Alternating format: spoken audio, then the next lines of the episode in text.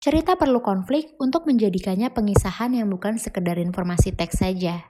Dalam membangun konflik penceritaan yang baik, perlu ada tiga elemen utama, yaitu awal mula konflik, puncak konflik, dan yang ketiga penyelesaian konflik. Untuk mengetahui bagaimana membangun konflik yang memikat, di episode GWRF Podcast kali ini, kami mengundang Faradita, seorang penulis cerita-cerita romans populer. Salah satu karyanya yang berjudul Sin telah difilmkan dan dibaca hingga 26 juta orang.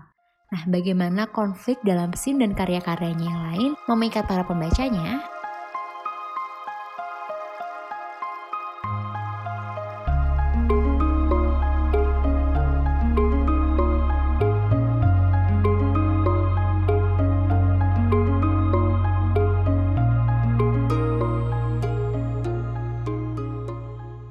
Selamat siang Kak Farah.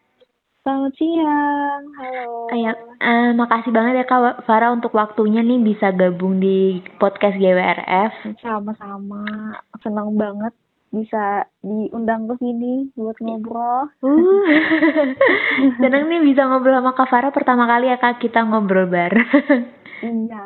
Nah, uh, Kak Farah lagi sibuk apa nih Kak selama pandemi ini atau mungkin lagi menulis novel baru atau mungkin ada hal lain lagi dikerjain Kak Farah? Sekarang kesibukannya sih um, masih banyak ngurus uh, keluarga ya. Oh iya iya tapi, iya iya. Uh, uh, tapi di samping itu juga masih nulis di platform Wattpad. Uh, soalnya nulis itu kayak me time aja buat aku. Jadi kalau misalnya udah beres kerjaan rumah, beres ngurus anak, larinya ke nulis. Oh gitu. Uh -uh. Jadi uh, mungkin bisa jadi pelarian juga ya kak kalau misal lagi iya. ada mm. ada sesuatu yang dihadapi terus pengen nulis mungkin jadi stress release juga kali ya iya sebenarnya dulu uh, aku sukanya kan uh, nonton cuman kan oh. sekarang kita nggak bisa keluar kan jadi ya udah di rumah aja bener bener bener nonton di rumah mungkin nonton dari rumah lihat Netflix iya. atau Netflix gitu ya kayak ya? iya iya betul berarti kan kak Farah nih kegiatannya lebih banyak di rumah ya kak kalau di selama iya. pandemi ini Nah, mm -mm. um, susah nggak sih kak sebenarnya membagi waktu antara kakak nih kan lagi sibuk mungkin ngurusin punya anak, lagi baru-barunya lagi seru-serunya nih ya kak. Terus, yeah. uh, tapi harus menulis juga gitu, sulit nggak kak membagi waktunya? Kalau dipikiran sulit. Oke. Okay. berat juga ya. iya berat ini itu gimana ya? Kayaknya berasa 24 jam dalam sehari itu nggak cukup gitu. Waduh.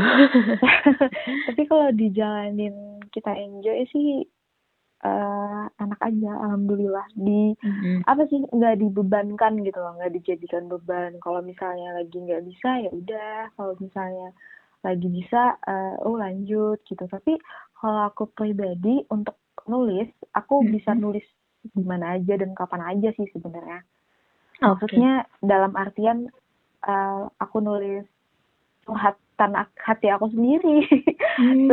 satu dua kalimat gitu karena aku ngebiasain untuk menulis setiap hari gitu. Jadi aku menjadikan menulis ini sebagai kebutuhan bukan lagi sebagai sesuatu yang aku kerjakan gitu. Udah lebih dari hobi sih sebenarnya. Oke. Okay. karena apa ya aku tuh orang yang nggak punya banyak temen ya. Teman hmm. aku bisa dihitung sama satu tangan. Jadi aku lebih suka memang orang yang lebih suka mengeluarkan unek-unek ke tulisan gitu. Jadi emang uh, kadang orang kan punya cara yang berbeda-beda ya kalau untuk mengungkapkan iya. perasaannya. Betul. Iya iya. Dan iya. aku lebih nyaman dengan menulis sih sebenarnya gitu. Setuju banget. Pantas hmm. tulis tulisannya tuh kayak punya ekspresi gitu kalau Kak Farah. nah, uh, sejak hmm. kapan sih Kak Farah tuh sadar nih kalau Kak Farah tuh mau mulai menulis? Hmm, sejak apa ya? Sejak tulisan aku di Wattpad disukain orang. Pertama menulis itu kan aku di Wattpad ya. Pertama kenal itu tahun 2000 apa ya? 14 sekitaran itu. Awalnya ya sekedar iseng aja menulis karena menulis kan aku bisa curhat juga sekalian. Dan hmm. yang pertama kali aku tulis itu berdasarkan dengan kisah nyata aku juga, cuman nggak semuanya kisah nyata juga sih kayak memang benar-benar menulis tuh buat menyenangkan aku aja gitu lalu tiba-tiba banyak yang baca banyak yang juga suka gitu yang bersama-sama ikut sama aku untuk membaca cerita ini gitu. Jadi hmm. aku merasa wah tulisan aku bisa menyenangkan orang lain juga gitu. Awalnya pengalaman Kavara pribadi ya ternyata. ya, jadi pengalaman itu tuh cuman ada tiga orang yang tahu. Mm-hmm. dua temen aku di SMA sama mm-hmm. aku kan gitu. Jadi yeah, yeah. aku tulisin deh. Dan aku nulisnya tuh setelah lulus SMA. Pengalaman oh. itu saat SMA. oh gitu. Nah, yeah. awalnya tuh cerita pribadi Kak Farah tuh tentang romance atau gimana Kak? Iya, tentang romance. Yang Secret Admirer itu. Oh, oke okay, oke okay, oke. Okay. rahasia cocok banget kan. Berarti Secret Admirer yang kan ada iya. dua versi ya Kak kalau nggak salah ya. Iya, betul. Nah, itu ternyata cerita yang Kak Farah asli ya. nggak semuanya sih, kan oh, kalau misalnya okay, di buku okay. kan harus ada bumbu-bumbu yang menggugah kan. Kalau misalnya aku biasa-biasa aja, tapi sedikit banyak diambil dari sana. Oh, oke okay, oke. Okay. Nah, Kak Farah ini kan mulai menulis buku itu malah lewat Wattpad kan? Iya. Nah, itu Kak Farah tuh nulisnya ngalir aja atau Kak Farah tuh buat kerangka outline-nya dulu nih, aku mau buat kayak gini atau hmm. ngalir aja Kak, gimana tuh? Bener-bener ngalir aja. Karena oh. ya itu tuh dibalik lagi karena itu cuma sekedar iseng menyenangkan diri sendiri nggak ada kepikiran bakalan disukain orang nggak bakal kepikiran bahwa itu akan bisa dibukukan bahkan gitu. Aku pun nulisnya tuh cuma tengah malam karena hmm. siang siang aku kerja malamnya aku kuliah gitu. Jadi bener-bener nggak ada waktu yang buat uh, spesial buat nulis lah gitu nggak. Jadi ya sekedar pas pulang capek pegang HP ya udah nulis gitu. Nulisnya juga di HP nggak nggak niat buat di laptop atau komputer gitu. Keren banget sih kak dari iseng-iseng nih malah jadi keterusan yeah. jadi hobi jadi pekerjaan. Alhamdulillah. Alhamdulillah kak. Nah um, yang aku penasaran nih kan dari novel Kak Faradita nih dari awal itu kan pembangunan konfliknya tuh lumayan kadang ada yang rumit dan ada yang malah dari hal yang rumit itu jadi seru kan kalau untuk diikutin. Hmm, yeah. Nah, bicara tentang pembangunan konflik nih kak dalam cerita, menurut Kak Farah hmm. itu konflik cerita yang bagus untuk diolah tuh seperti apa sih kak? Konflik yang bagus untuk diolah itu yang menarik juga eh, eh konflik yang bisa membuat pembacanya peduli sama cerita kita sama konflik itu konflik itu sendiri kan berkaitan erat dengan tokoh yang kita buatkan. Konflik iya. itu dikasih ke siapa sih? Ke tokohnya kan. Mm-hmm. Nah, untuk membangun ke konflik menuju konflik itu kita harus punya chemistry antara tokohnya ini. Chemistry antara pembaca dengan tokoh kita justru. Oke. Okay.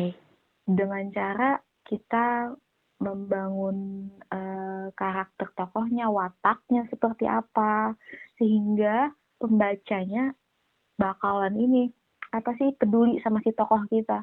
Jadi apa pun yang terjadi sama tokoh kita ini, kalau kita kasih konflik, si pembaca bakalan ikut ngerasain gitu loh. Oh, aku nggak terima nih kalau kayak gini gitu. Oh, main di emosinya ya kak. Gitu. Iya, main di emosinya kan kita yeah, kalau yeah, iya. konflik itu kan masalah ya. Kita harus hmm. bikin masalah yang bikin orang nggak terima ya gitu. Oke. Okay. bikin bikin konflik yang bahkan kamu sebagai penulis tuh nggak suka juga gitu.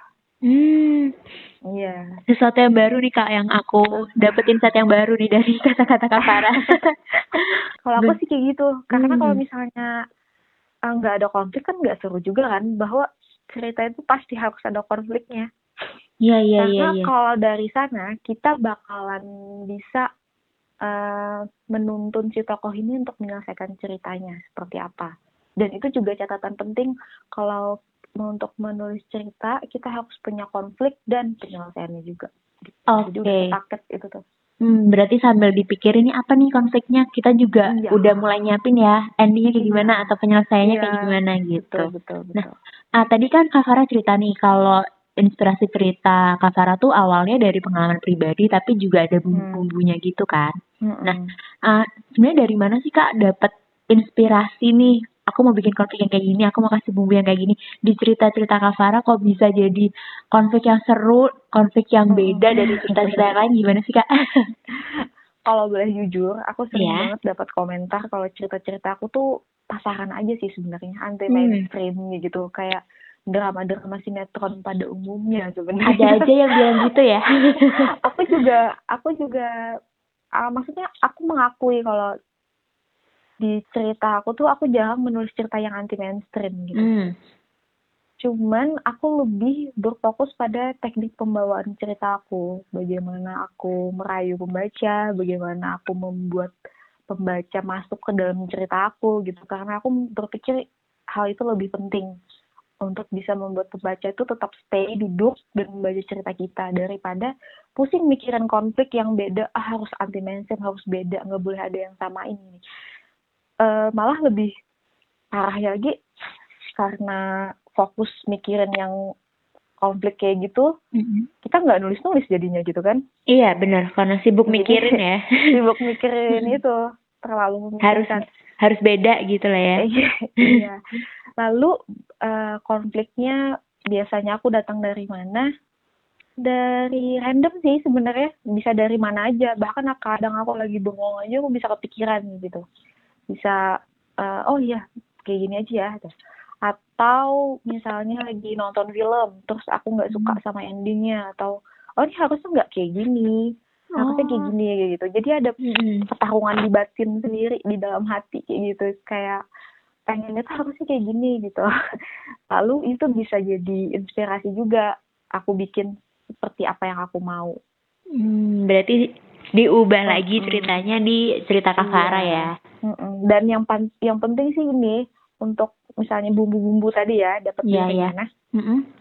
Kita harus peka sama sekeliling kita karena sesuatu yang paling mudah untuk kita tulis adalah apa yang paling dekat dengan kita gitu. Karena kita tahu apa yang kita tulis, kita tahu perasaan itu gitu. Misalnya kita lagi kehilangan kehilangan kucing peliharaan. Kita tahu kan perasaan kehilangannya seperti apa gitu.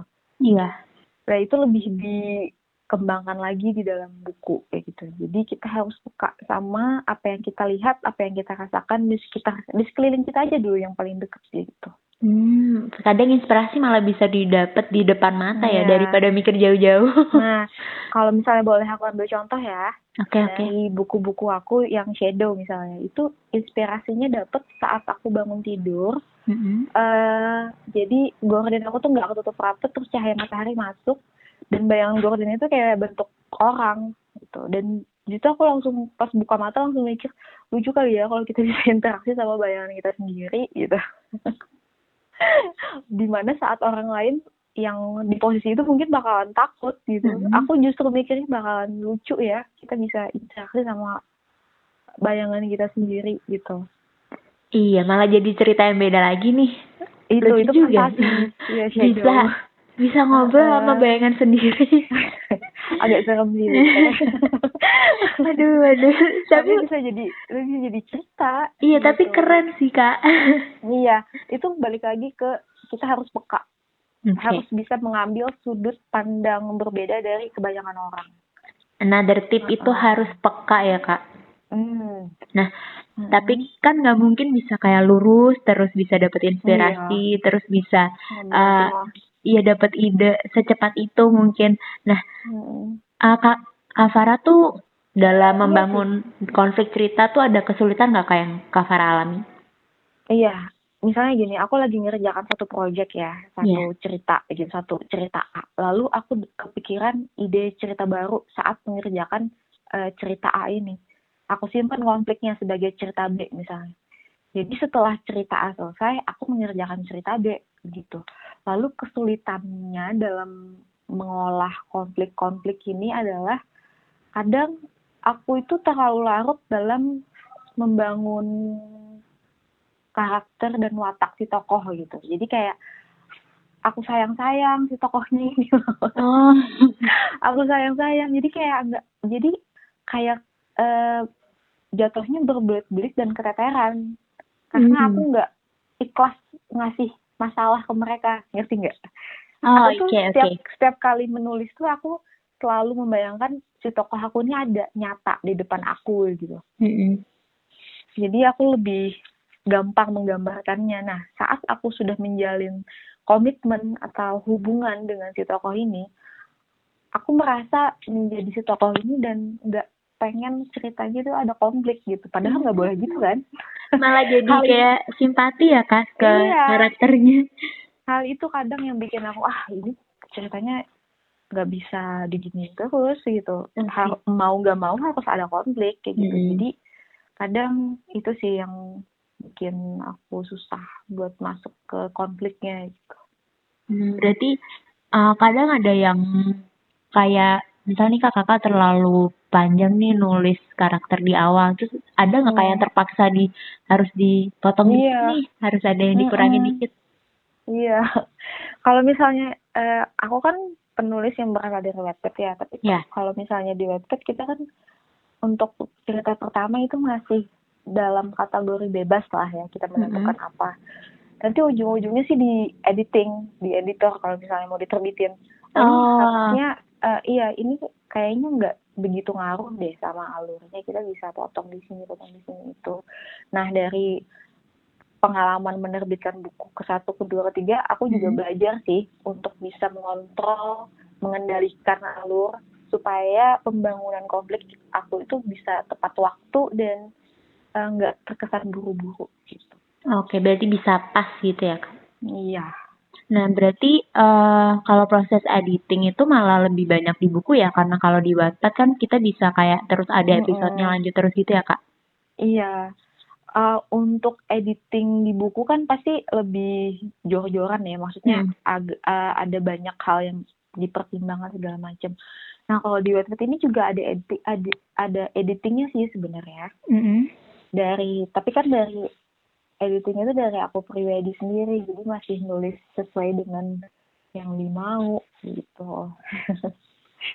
Oke, nah eh, kalau ngelihat dari beberapa buku yang udah dirilis Kak Farah nih, menurut Kak Hmm. Farah sendiri tuh yang paling punya konflik yang paling seru, yang paling dibuatnya tuh paling eks, eh, istilahnya effortnya paling gede nih buat membangun konflik ini tuh yang mana sih Kak? Hmm, invalidate sih. Oh, Invalidate. Iya, invalidate sama sin. Sin juga agak terlalu, tapi invalidate. Kenapa Kak? pusing dua-duanya tuh aku. Kenapa Invalidate yang jadi novel yang paling Em, mungkin agak berat apa ya buat ya? Kak Farah? Untuk konfliknya ya berat. Iya, untuk Ya itu konflik. karena sendiri aku terlalu menyayangi tokohnya. Oh. aku berat jadinya kayak ya itu tadi karena aku membayangkan dia itu bukan tokoh fiksi ya dia tuh nyata gitu. Hmm. dia kayak temen aku gitu. Jadi ya itu dia. Agak susah. Kadang emang susah nih mungkin jadi baper gitu ya sama Iya, tokoh. jadi baper sendiri. Kalau yang nulis baper sendiri.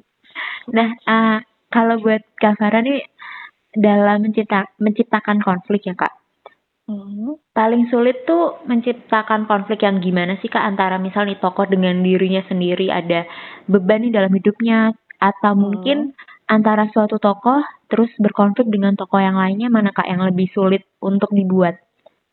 Kalau bagi aku sih dua-duanya punya kesulitan masing-masing ya. Kalau Mm-mm. misalnya eh konflik dengan diri sendiri itu bakalan mengubah apa ya? Mengubah mungkin mengubah watak atau kepribadian entah dia akan lebih eh, dewasa atau lebih bijaksana gitu kan kalau dengan diri sendiri si tokohnya ini.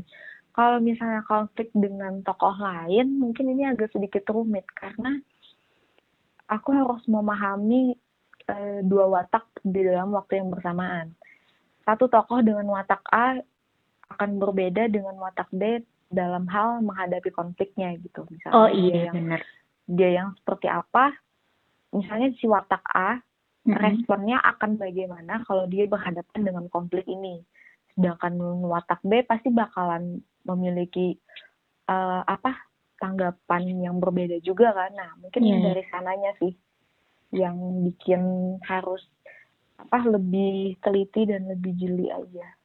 Oke, karena memang satu karakter pun punya karakter yang berbeda, terus Hmm.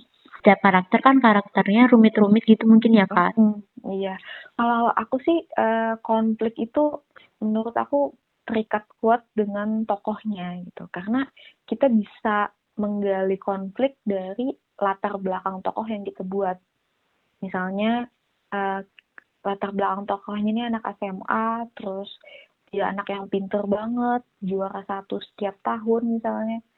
Mis, uh, punya apa sih punya piala banyak atau pokoknya sempurna lah tapi dia nggak punya teman gitu. Karena dari sana kan kita bisa apa mengembangkan sebuah konflik gitu jadi sangat penting bagi aku apa mengembangkan tokoh dulu gitu. Oke. okay. Jadi memang dimengerti ya. Omongan aku nih belibet. Muter-muter.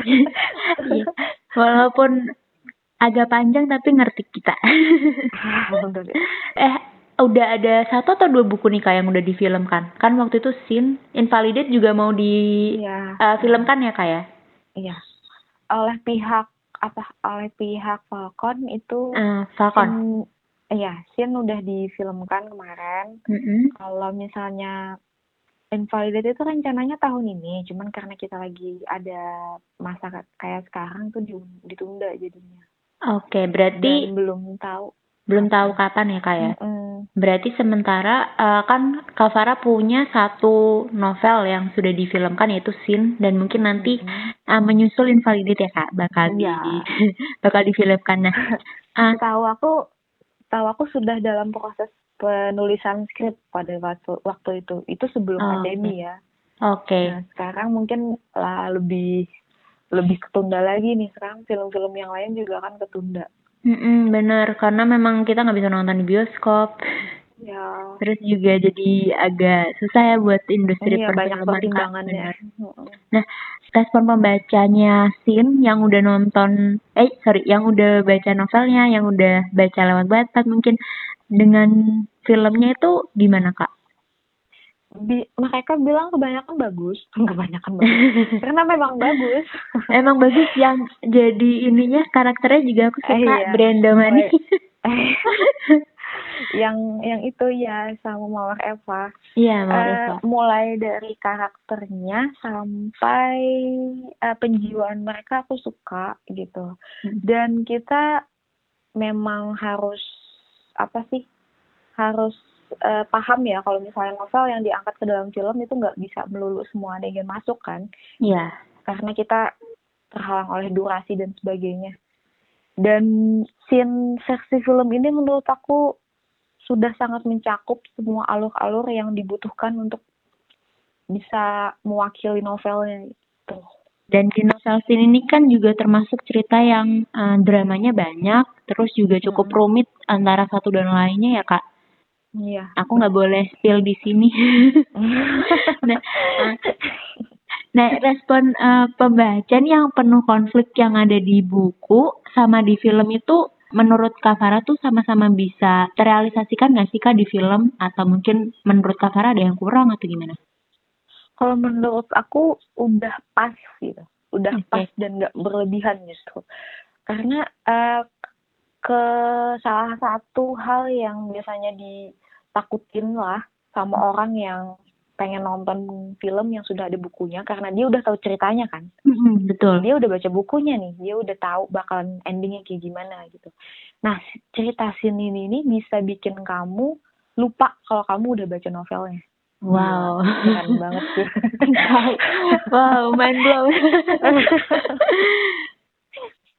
karena memang gitu walaupun hmm. berdasarkan dengan film tapi alur-alur yang diambil lalu dengan pengemasan yang baik uh, film ini bisa menceritakan faktor-faktor penting di dalam novel dengan sangat baik juga.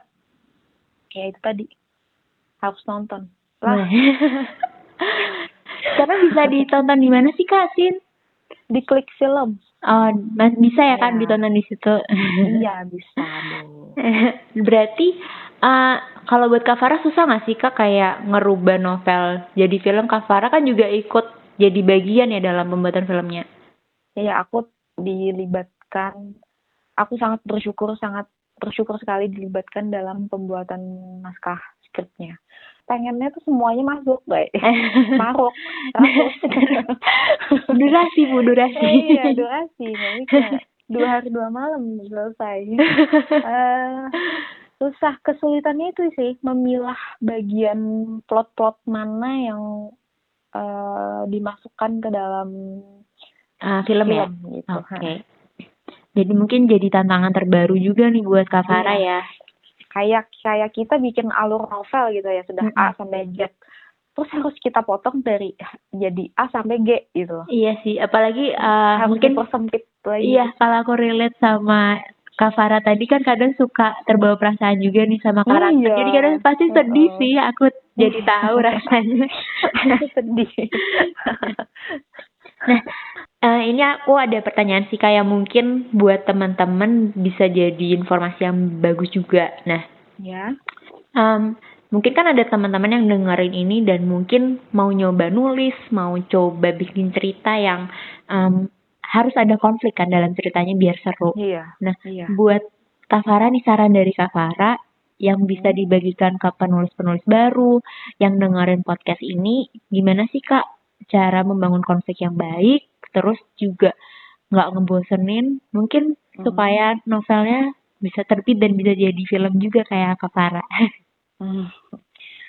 um, yang pertama itu harus sering-sering baca buku pertama itu harus melatih diri kita untuk bisa membaca buku karena itu bakalan berhubungan sama dengan penyusunan narasi, diksi, segala macam. Lalu untuk konfliknya sendiri, mungkin kamu bisa tonton channel di YouTube itu Sisi Terang judulnya. Okay. Itu kontennya bagus-bagus banget um, untuk penulis. Menurut aku bagus ya, karena dia ngasih soal cerita. Jadi kayak kayak kita disuruh memecahkan suatu masalah gitu hmm. kayak kontennya kita jadi detektif apakah kita detektif yang baik atau enggak ya gitu lah jadi oh. kita memecahkan masalah dan dia ngasih masalah dalam bentuk cerita. Kayak ada permainan psikologinya ya kayak ya? iya betul. Dan menurut aku itu bagus untuk latihan kita bikin konflik. Hmm. karena bikin konflik itu sangat uh, apa ya kompleks ya. Harus dari berbagai sisi. Kita punya lima tokoh dan satu konflik. Lima tokoh ini harus berhubungan sama satu konflik misalnya gitu kan. Yeah. dan itu sangat kompleks sekali. Kita mm -hmm. harus konflik yang bercabang di sini misalnya terus lagi belum belum lagi plot twist segala macam gitu. Jadi harus sering-sering mengasah otak untuk bisa memecahkan masalah dan ya itu okay. tadi di YouTube ada namanya channelnya sih terang. Sih terang ya kan namanya. Iya aku baru nemu itu juga selama pandemi ini karena main YouTube terus seru banget tuh kak bisa kayak jadi detektif terus di ending iya. ada hmm. ininya kak ada spill jawabannya gitu iya ada jawaban oh. jadi setiap setiap ada soal cerita langsung dikasih tahu jawaban jawabannya terus dikasih tahu alasannya kenapa jawabannya jadi itu gitu jadi hmm. gampang Aku jadi mau ngecek juga nanti abis ini. Lanjut, lanjut. Makasih loh kak. Iya, aku pas nonton oh ini bagus sih buat kita latihan gitu. Hmm, boleh boleh boleh boleh. Nanti langsung aku cek. Siapa tahu nanti iya. pendengar juga mau ngecek. Iya. nah, uh, berarti Kak Farah rencananya untuk ke depan apa nih Kak? Abis ini mungkin ada target aku, baru kah? Iya, aku bulan depan ada terbit buku baru, buku aku yang ketujuh. Oh. Itu kumpulan puisi bersama penerbit Clover. Oke. Okay. Semoga bisa diterima dengan baik. Wah, amin. Udah fix nih ke bulan depan terbit? Iya. Amin, amin, amin. Katanya Semoga sukses. amin. Sudah soalnya udah lama banget nggak menerbitkan buku awal tahun kemarin. Berarti untuk yang ini kumpulan puisi ya kak, berarti agak berbeda iya, dong dari yang sebelum-sebelumnya. Iya, isinya galau-galau semua. Semoga uh, bukunya nanti rilis dengan lancar ya kak ya, amin. Amin, makasih, amin amin. Berarti uh, bulan depan nih targetnya meluncurkan buku baru, Dan apalagi Kak, mungkin ada lagi yang lain? The ini aku sih mau nyoba uh, masih dalam rencana sih. Oh. Itu menyelesaikan ini, menyelesaikan cerita aku yang terbaru judulnya Pre-Process. Oh, yang di Wattpad juga itu ya Kak ya? Iya. Wah, Sementara banyak nih sih, targetnya ternyata. Iya. Sebenarnya masih banyak catatan-catatan uh, cerita-cerita baru, cuman aku penulis yang lebih fokus menulis itu kalau menulis satu satu cerita dalam satu waktu aja gitu. Hmm, Jadi okay. aku nyelesain satu cerita baru lanjut ke cerita yang lain baru begitu. Mungkin biar lebih fokus juga ya kak ya. Lebih fokus. Oke. Okay. Kak Farah, terima kasih banget nih Kak Farah untuk iya, waktunya iya, bisa ngobrol-ngobrol di podcast GWRF. Seru banget ya Kak iya. barusan. aku senang banget nih bisa ngobrol sama Kak Farah walaupun cuma sebentar tapi banyak banget ilmu yang bisa aku serat. Mungkin teman-teman nanti yang dengar bisa dilakukan juga, diaplikasikan. Jadi makasih banget ya Kak Farah nih iya, buat waktunya. Terima kasih. Aku senang banget loh aku diundang di sini. Oh iya. iya. Wah, aku jadi senang. Siap Kak, makasih yeah, Kak Farah. Ya, selamat siang. Ya, selamat siang Kak, have a nice day. Ya, ya. Konflik dalam cerita adalah unsur utama suatu penceritaan. Adanya konflik dapat mengarahkan, menggerakkan, dan memberi tujuan cerita yang kita buat. Nah, perbincangan tadi semoga dapat memberi kita semua wawasan bagaimana cara membangun konflik dalam penceritaan. Untuk kamu yang penasaran dengan cerita-cerita yang Faradita buat, kamu bisa baca karya-karyanya di Gramedia Digital. Atau kalau kamu mau punya bukunya juga, kamu bisa kunjungi toko Gramedia. Stay safe, jaga kesehatan, dan sampai jumpa di episode GWR Podcast selanjutnya. Salam inspirasi.